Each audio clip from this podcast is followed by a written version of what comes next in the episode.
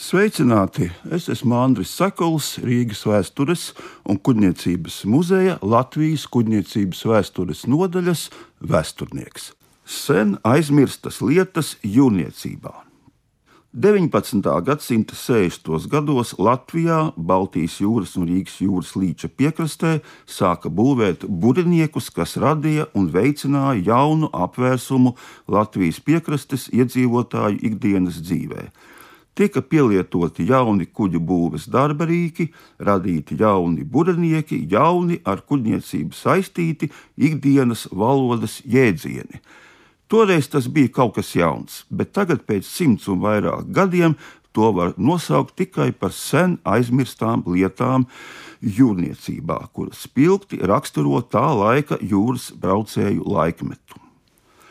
To vidū minams Mālspiks un Fits, ar kuru palīdzību notika splēsēšana, jeb burnieku trošu galu savienošana, iepinot troses vienu galu starp otru troses gala grīstēm, tā sapinot tos abus kopā.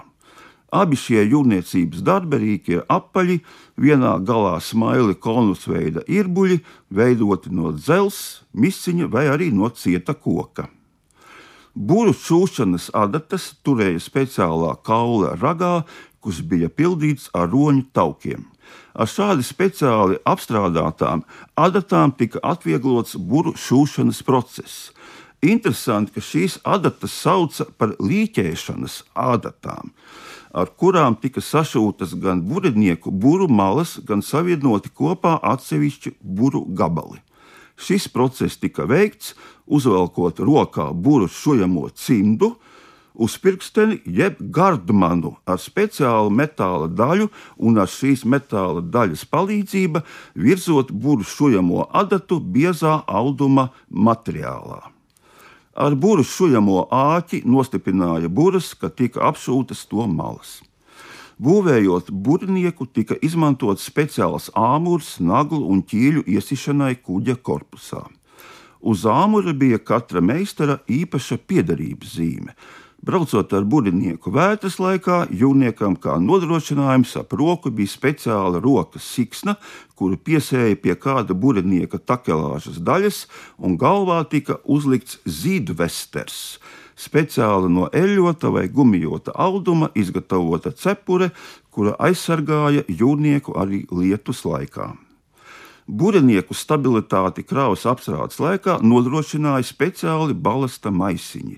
Vētras laikā uz burbuļsāņiem liekā ūdens atsūknēšanai no klāja tika lietoti koka sūkņi ar vārstuļiem, un uz burbuļsāņiem smilšu pulksteņi tika izmantoti sardzes laikā.